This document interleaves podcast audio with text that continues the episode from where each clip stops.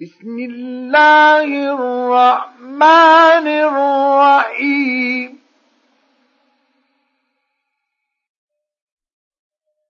ألم تر كيف فعل ربك بأصحاب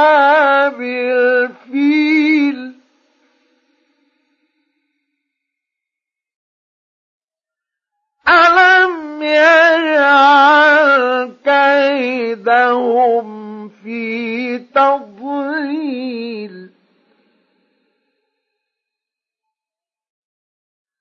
وأرسل عليهم طيرا أبابيل ترميهم بحجارة من